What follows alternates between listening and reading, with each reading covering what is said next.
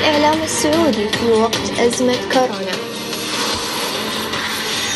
في هذا العصر المخيف عصر فيروس كورونا المستجد أثبت الإعلام السعودي في احتوائه لهذه الأزمة وكشف قدراته وقدرات المؤسسات الحكومية المختلفة في احتواء المعلومات الصحيحة وأصبح المواطن السعودي والمقيم أيضا يتابعان كل جديد عبر وسائل الإعلام السعودي دون الحاجة إلى وسائل إعلامية أخرى.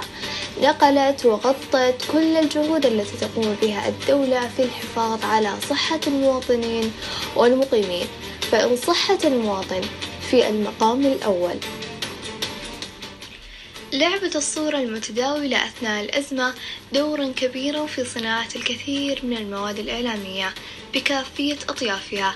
حيث استلهمت الوسائل الإعلامية الكثير من المواد الإخبارية من تلك الصور خصوصا وأن معظم الصور المنشورة والمتداولة لم تكن تقع في منطقة تقليدية وإنما كان لها مدلولات إخبارية عميقة جدا.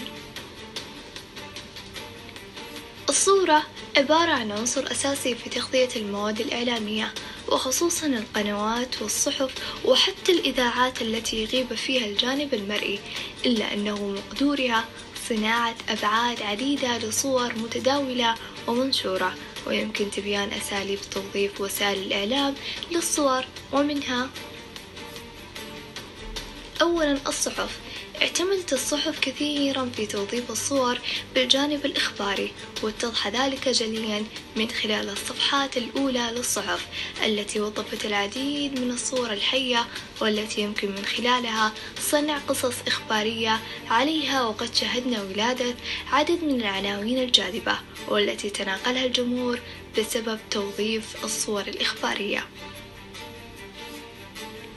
كما شهدت الصفحات الدخيلة للصحف كثافة عالية في المحتوى المرئي من خلال صور توثق الحدث أو من خلال أعمال ميدانية وتم تناول أبعاد العديد من الصور في العديد من الفنون الصحفية من تقارير وتحقيقات ومقالات. ثانيا التلفزيون. وجد التلفزيون من المحتوى المرئي المصور مادة ثرية جدا يغذي بها محتواه ونشراته الإخبارية بل واعتبرت العديد من تلك الصور المرئية محاور قد يبني عليها حلقات البرامج وامتد الأمر الذي تغذية برامج ذات نمط بأن الصور وحدها تتحدث دون الحاجة إلى تعليق.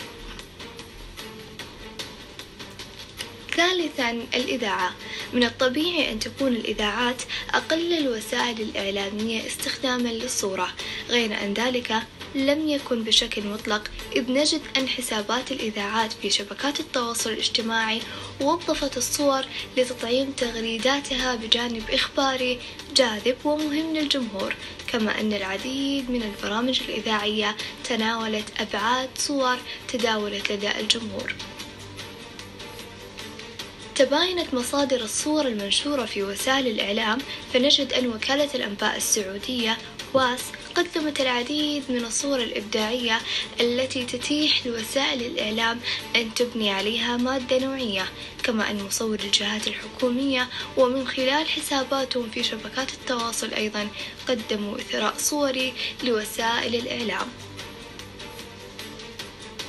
وعلى ذات الصعيد نجد أن كثير من السوء من وسائل الإعلام اعتمدت على ذاتها في الصور وحرصت على عدم الاستعانة بصور جاهزة إلا في أضيق نطاق حرصا منها على تقديم محتوى مختلف ليس موجود لدى الآخرين. سامحوني إن ما سلمت عليكم في بداية البودكاست فالسلام عليكم ورحمة الله وبركاته. ثانيا أعرفكم نفسي. معاكم رام الشريف طالبة بجامعة أم القرى قسم إعلام تخصص علاقات عامة. وإن شاء الله إني أكون خفيفة لطيفة عليكم وإن شاء الله تكونون استمتعتوا واستفدتوا بنفس الوقت. وشكرا على حسن استماعكم.